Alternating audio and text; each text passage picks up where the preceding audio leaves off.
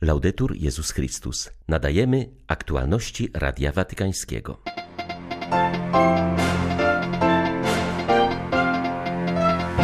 Papież wyznał, że kardynał Krajewski opowiedział mu o potwornościach wojny na Ukrainie. Zjednoczmy się z tym szlachetnym i męczeńskim narodem, apelował Franciszek.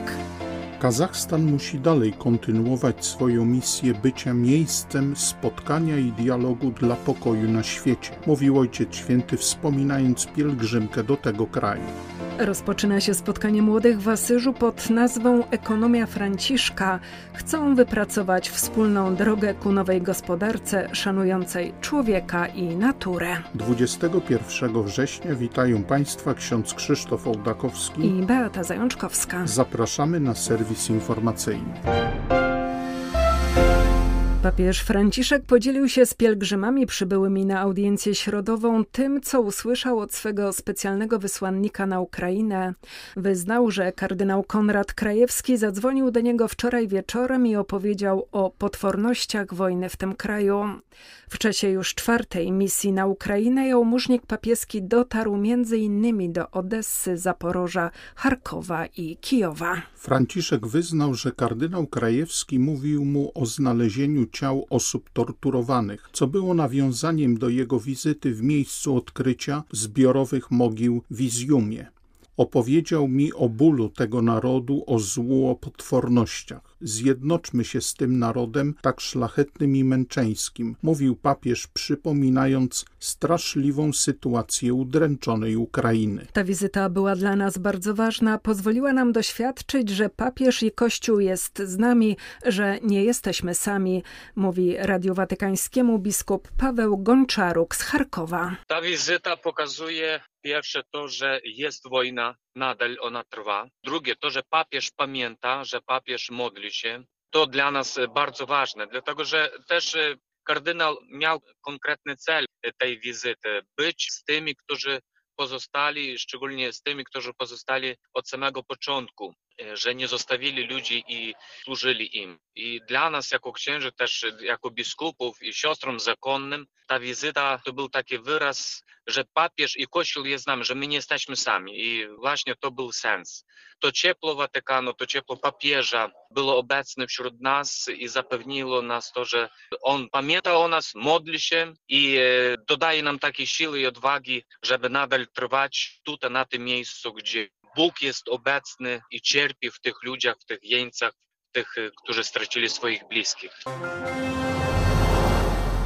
Wojsko rosyjskie nie ustaje w wysiłkach, by niszczyć cywilne obiekty na Ukrainie. Wciąż atakowany rakietami i bombami jest Charków, a ponadto ostatniej nocy okupant ostrzelał zaporowską elektrownię jądrową. Jednak jak mówi arcybiskup Światosław Szewczuk, dzięki wsparciu oraz solidarności wspólnoty międzynarodowej, a także dzięki Bożemu błogosławieństwu uczymy się krok za krokiem nie tylko przeżywać w takich krytycznych, trudnych okolicznościach, ale również zwyciężać.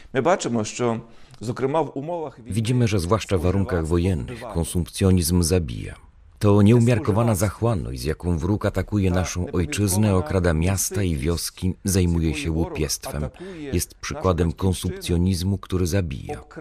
Ten wróg, mający olbrzymie zasoby naturalne, olbrzymie środki swego utrzymania, nienasyconym okiem spogląda na cały świat, gdzie jest jeszcze jakiś kraj, który można zagrabić, zniewolić i rozkraść. Prośmy Najświętszą Marię Dziewicę, aby nam dopomogła.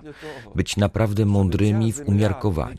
Właśnie po to, ażeby ta ziemia, na której żyjemy, wytrzymała ciężar współczesnej cywilizacji. Inaczej ludzkie nienasycone oko zabierze ze sobą do grobu nie tylko samego człowieka, ale też świat.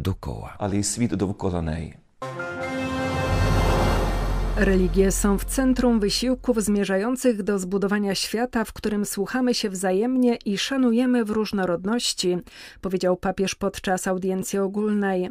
Franciszek podsumował swoją ostatnią podróż apostolską do Kazachstanu, gdzie uczestniczył w kongresie przywódców religii światowych i tradycyjnych. Podkreśliłem powołanie Kazachstanu do bycia krajem spotkania. Współistnieje tam bowiem około 150 grup etnicznych i mówi się ponad 80 językami. To powołanie do bycia krajem spotkania kultur i języków zostało zaakceptowane i przyjęte jako droga, która zasługuje na zachętę i wsparcie. Życzyłem też, aby mogła być kontynuowana budowa coraz dojrzalszej demokracji, zdolnej do skutecznego odpowiadania na potrzeby całego społeczeństwa. Jest to zadanie żmudne, które wymaga czasu, ale już teraz należy przyznać, że Kazachstan dokonał bardzo pozytywnych decyzji, takich jak wyrzeczenie się broni jądrowej. To było odważne. W tym momencie trwa tragiczna wojna i niektórzy myślą o broni jądrowej, o tym szaleństwie. A ten kraj od samego początku powiedział nie broni atomowej. Questo paese già dall'inizio dice no alle armi nucleari. Ojciec Święty zaznaczył, że ogromnie ucieszyło go spotkanie ze wspólnotą Kościoła, w której zobaczył ludzi szczęśliwych, radosnych i pełnych entuzjazmu. W tym ogromnym kraju katolików jest niewielu, ale ten stan, jeśli jest przeżywany z wiarą, może przynieść ewangeliczne owoce. Przede wszystkim błogosławieństwo małości, bycia zaczynem, solą i światłem, polegania wyłącznie na Panu, a nie na jakiejś formie ludzkiego znaczenia. Ponadto niedobór liczbowy zachęca do rozwijania relacji z chrześcijanami innych wyznań, a także do braterstwa ze wszystkimi.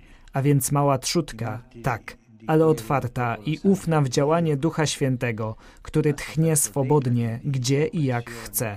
Przypomnieliśmy także o ciemnej stronie historii, czyli męczennikach, którzy tak wiele wycierpieli za wiarę w długim okresie prześladowania, mordowani, torturowani, więzieni z powodu wiary.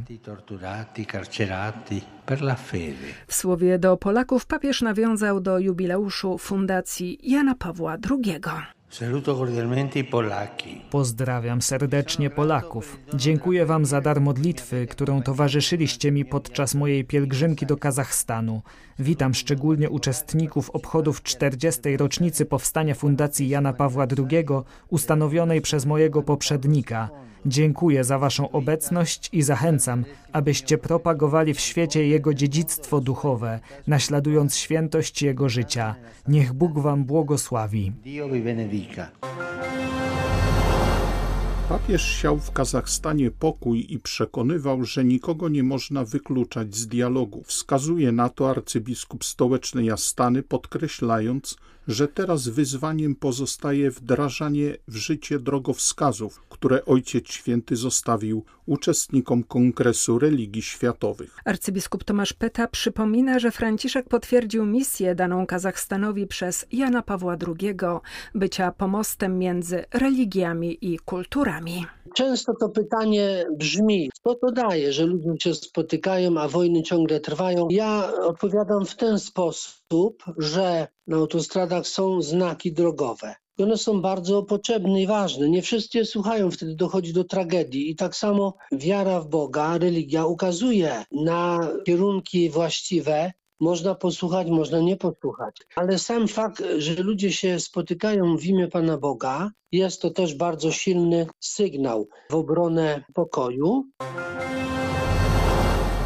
Rozpoczyna się spotkanie młodych w Asyżu pod nazwą Ekonomia Franciszka. Uczestnicy chcą wypracować wspólną drogę ku nowej gospodarce, szanującej ludzi i naturę. Obrady są inspirowane nauczaniem społecznym papieża i biskupów latynoamerykańskich. Ekonomia Franciszka powstała trzy lata temu jako odpowiedź na wezwanie papieskie do budowy nowego modelu gospodarki.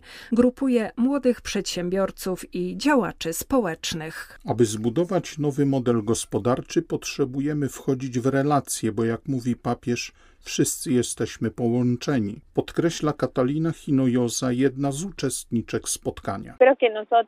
Myślę, że my młodzi nie jesteśmy tylko przyszłością, jak to się zwykło mówić, ale tak naprawdę jesteśmy także teraźniejszością. Mamy marzenia, które chcemy wcielić w życie i mamy energię. W naszym przypadku hałasować to znaczy tak naprawdę dotknąć cierpienia ludzi, odkryć, iż wokół nas inni doświadczają bólu, przyjąć, że tak jest i zaangażować się w szukanie rozwiązań. To jest właśnie rola nas młodych, widzieć, rozeznawać i działać. I to jest także metoda, do której Franciszek nas zaprasza.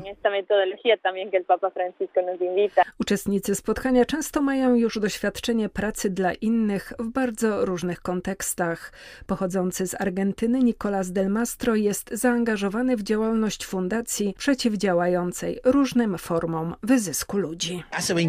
Organizacja powstała w czasie kryzysu w Argentynie. Przeciwdziałamy niewolniczej pracy, wykorzystaniu kobiet w domach publicznych i wszelkiej działalności mafijnej w Buenos Aires. Uwrażliwiamy również na to, by unikać produktów pochodzących z wyzysku.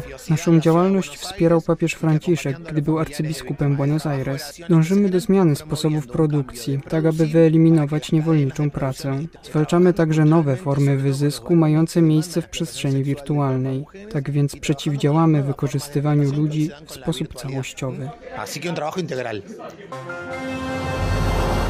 Ormianie po raz kolejny padają ofiarą bestialskich zbrodni przeciw ludzkości. Ujawnione zostały zdjęcia i filmy, które pokazują, jak Azerzy torturują ormiańskich żołnierzy pojmanych podczas niedawnej inwazji na Armenię.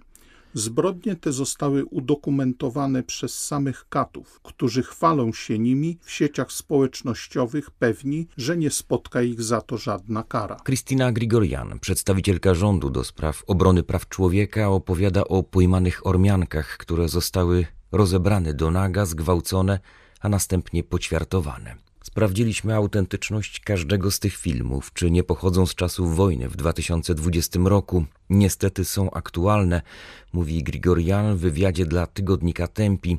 Podaje, że azerscy żołnierze umieszczali je na telegramie, gdzie cieszyły się wielką popularnością. Ludzie zachęcali ich do popełniania kolejnych okrucieństw. Utworzone nawet zostały nowe emotikony z podobizną torturowanych Ormian. Przypuszcza się, że ta wielka skłonność do okrucieństwa względem mieszkańców Armenii wyrasta z systemowej ormianofobii propagowanej przez władze Azerbejdżanu. Potwierdza to raport ONZ, który piętnuje najwyższych przedstawicieli azerskiego państwa za podżeganie do nienawiści etnicznej względem Ormian. Grigorian podaje, że po trzydniowej inwazji za zabitych bądź zaginionych uznanych zostało 207 osób. Uszkodzono ponad 200 budynków mieszkalnych, z czego 50 zrównano z ziemią. Osiągnięcia i wyzwania roku świętego Józefa to temat 13 Międzynarodowego Sympozjum Józefologicznego, które odbywa się w Meksyku.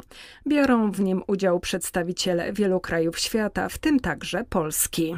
Sympozjum rozpoczęła uroczysta msza w Bazylice Matki Bożej Guadalupe w Meksyku. Uczestników pozdrowił papież Franciszek, który zachęcił do refleksji teologiczno-pastoralnej nad osobą świętego Józefa. Poszczególne tematy ukazują nie tylko to, co udało się zrobić pomimo pandemii podczas roku świętego Józefa, ale także szereg interesujących zagadnień związanych z kulturą rdzennych mieszkańców Meksyku, ich spojrzeniem na świat i religię. W sympozjum bierze udział także polska delegacja, której przewodniczy ksiądz Jakub Bogacki. Międzynarodowy Kongres Józefologiczny teologiczny, który jest najważniejszym wydarzeniem w świecie nauki o świętym Józefie, odbywa się co cztery lata. Gromadzi kilkudziesięciu teologów z całego świata. Doświadczamy tej różnorodności i spojrzenia i myśli na osobę i dzieło świętego Józefa, jego znaczenie dla kościołów lokalnych, dla kościoła powszechnego. Prymas Meksyku na pytanie, dlaczego mówić dzisiaj o świętym Józefie, odpowiedział: Ponieważ go potrzebujemy. Święty Józef jest wspaniałym świadkiem i przykładem, który nam pomaga także poprzez swoje pośrednictwo. Dlatego te sympozja są potrzebne. Z Meksyku dla Radia Watykańskiego ojciec Marek Raczkiewicz, redemptorysta. Były to aktualności Radia Watykańskiego. Laudetur Jezus Chrystus.